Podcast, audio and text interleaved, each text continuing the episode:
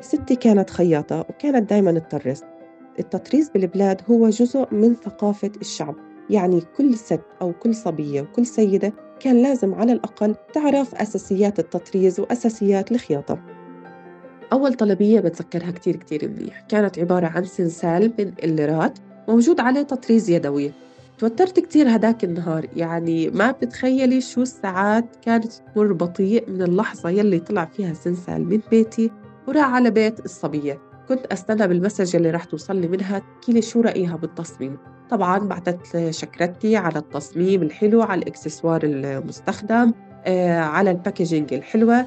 حسيت إنه عملت أول إنجاز كتير كبير وإنه قررت لازم أستمر على نفس الشيء وأتحسن أكثر فلسطين مش بعيدة عني لا جغرافيا ولا زمنيا. يعني أنا ما بدي ساعات كتير طويلة أو أيام كتيرة لحتى أوصل فلسطين وأشوف أهلي. ولكن إنه أنا غيرت مكان إقامتي فجأة صرت في بلد جديدة وناس جداد علي صرت أفتش بين التفاصيل اليومية على شغلات بتشبهني أو على أشياء أنا متعودة أشوفها بشكل يومي. فمن خلال ليرة وأنا عم بشرح عن تصميم معين لقرية أو مدينة أو أنا عم بفتش على تصميم جديد بدي أعمله بهديك اللحظة عم بحس حالي بهديك المدينة عم بمشي فيها أو عم بشوفها أو عم بتذكر الشغلات اللي معروفة عنها أو اللي كنت أحب أشتريها من هداك المكان. التطريز. فن تزيين القماش بالإبرة والخيط. ممكن يفوت الخرز والترتر واللؤلؤ لهذا الفن. هو هواية جميلة وعمل ممتع بنقل اللي بيشتغل فيه لعالم تاني. هو كمان مرتبط بجداتنا وبذاكرة مكان كانوا السيدات فيه تفننوا بالتطريز قبل ما الآلة تيجي وتحتل مكان كل إشي يدوي. منظمة الأمم المتحدة للتربية والعلم والثقافة اليونسكو أدرجت فن التطريز في فلسطين ضمن الممارسات والمهارات والعادات على لائحتها للتراث الثقافي غير المادي في عام 2021 هذا الفن الثقافي والتراثي حولت روان الحايك لمشروع اسمه ليرة. رح تحكي لنا قصته وقصتها معه في بودكاست قصتها القصيرة.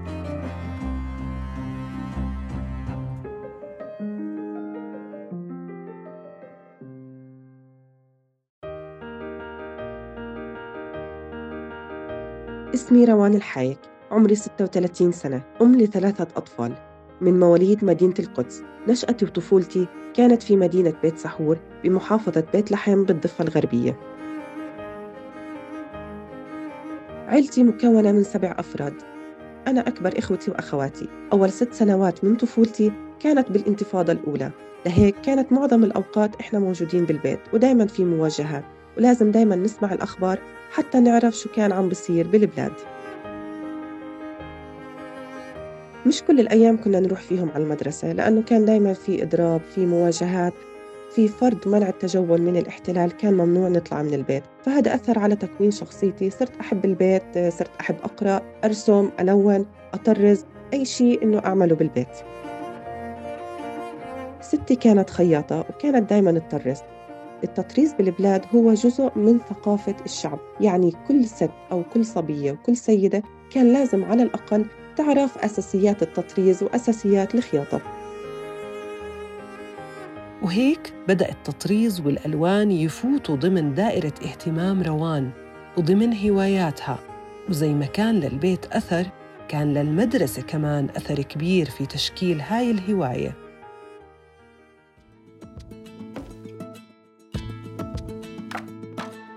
أكثر شيء بتذكره بالمدرسة إنه أنا كنت أحب حصص الفنون اليدوية وحصص التاريخ. كانت تستهويني الألوان وكانت تستهويني نعمل إكسسوارات منزلية من مواد بسيطة. حصص التاريخ كانت ثلاث مرات بالأسبوع. كنت أستناها بفارغ الصبر. ليه؟ لأنه كنت أحب أسمع القصص والحكاية والأحداث ومجريات التاريخ يلي بتصير بالعالم وبتصير ببلادنا. ولما كان أي حدا يسألني شو حابة تصيري لما تكبري كنت أحكي لهم بدي أصير معلمة فنون. بس حلم روان بدراسة الفنون الجميلة ما تحقق نتيجة الأوضاع في بلادها واللي حدد خياراتها في الجامعات وكمان في اختيار التخصص. لهيك روان درست أدب إنجليزي وإدارة أعمال والفنون ضلت حلم بالنسبة إلها.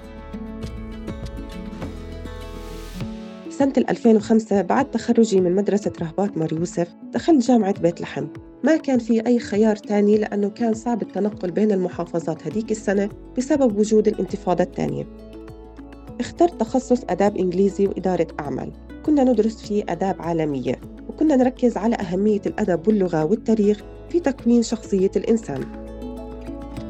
بعد فترة انتقلت روان لتعيش في عمان وهي بتتمشى بشوارع وسط البلد قدرت إنها تلاقي حلمها وتجمع بين حبها للفنون والألوان والشغل اليدوي وبين حب التاريخ وثقافة الشعوب وبدت خيوط الحلم تتشابك لتطلع بمشروع يوائم شغفها.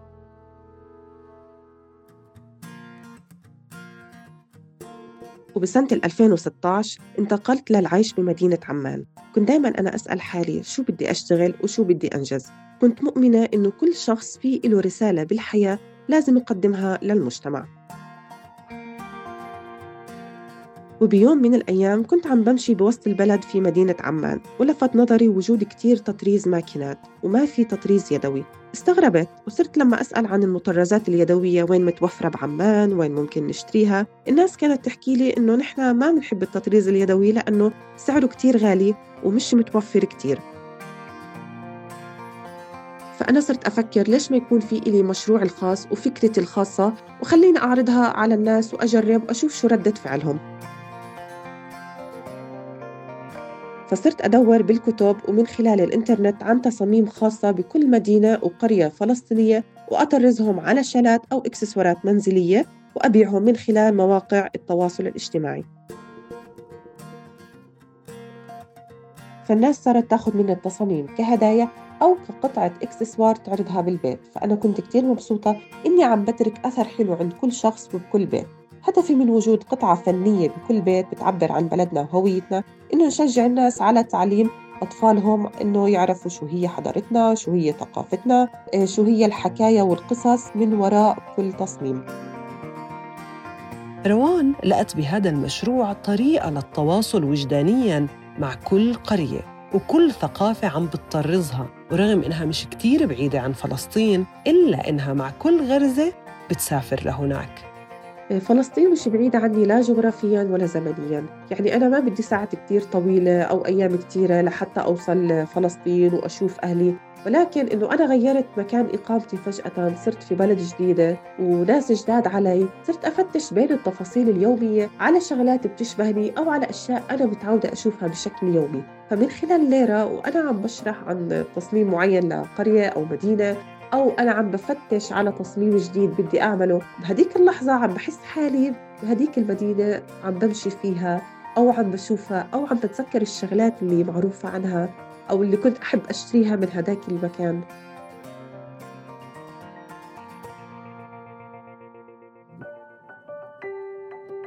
التاريخ الثقافة والهوية ممكن ما تكون مكتوبة بالكتب التوثيقية وهي مش مجرد كلام.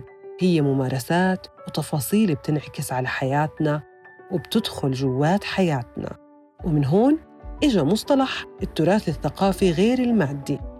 اليوم من السهل إنه نتعرف على الحضارات من خلال طبخة أو موسيقى أو رقصة أو من خلال الأزياء.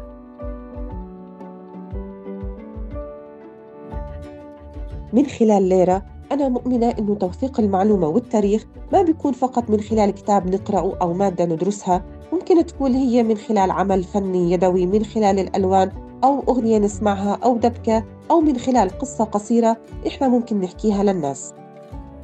كل فكرة في إلها تحدي. الناس يلي بتحب التطريز عم تتوجه لتطريز الماكينات لأنه أقل سعراً. وحاليا بعصرنا الناس عم تبعد عن أي إشي تقليدي أو أي إشي تراثي وعم تتوجه للإكسسوارات وللملابس الحديثة لأنه بتعتبر أنه نحن عم نتطور وفي عنا أشياء أحلى من الإشي القديم. لكن ضمن هاي التحديات كيف قدرت روان إنها فعلياً تنجح في شغلها وكيف بدأت تشتغل على هالشغل؟ وكيف بتتفاعل مع القطعة وشو مشاعرها كانت مع أول قطعة قدرت إنها تبيعها وتوصل للناس؟